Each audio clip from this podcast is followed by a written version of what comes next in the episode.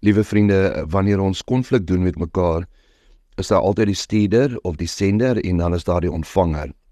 Ek gaan eers begin fokus op die sender, op die stuurder. Ehm um, jy gaan sit nou ehm um, en jy begin met mekaar praat en die een persoon uh begin die situasie waaroor sy of hy moeilik is op die tafel sit. Ehm um, en die verskillende belangrike ding hier in is, is sy of hy moenie onderbreek word nie. So die ander persoon luister um, intens na wat die persoon vir jou sê. Jy luister ook na gevoelens of emosies, jy luister nie net na die feite nie. Ehm um, en wanneer die persoon praat, gebruik die persoon die stuurder, gebruik ek taal. En dan sê jy gebruik jy ook verkieslik ek voel maar net en dan die derde een wat jy moet onthou ek voel maar net die afgelope tyd. So dit gee die ontvanger die voordeel van die twyfel. Die afgelope tyd voel ek ehm um, is jy te hard op die kinders. Met ander woorde, jy was nog altyd 'n goeie pa vir die kinders en jy gaan dit ook wees, maar op hierdie stadium voel ek net as jy te hard op die kinders. En dan praat jy jou hart uit. Nou die belangrike ding vir die ontvanger is, jy mag nooit onderbreek. Nou wanneer onderbreek jy? Jy onderbreek deur um op jou horlosie te kyk. Jy onderbreek deur oor jou selfoon te blaai. Jy onderbreek deur in die lig op te kyk of daai frons te gee of jy onderbreek om jou arms te vou en die posisie tussen jou en die ander persoon met ander woorde toe te maak.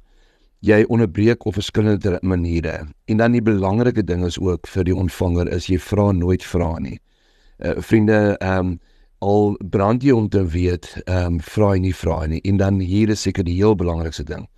Al weet jy dat die stuurder jou lewensmaat het nou die kat aan die spreekwoordelike sterk weet en dat sy of hy nie die regte feite nie, moenie in 'n rede val nie, uh, want laat jy eers daai emosies wat in die ander persoon is uitkom en laat sy of hy volledig praat en dan kan jy in die einde kan jy vra vra.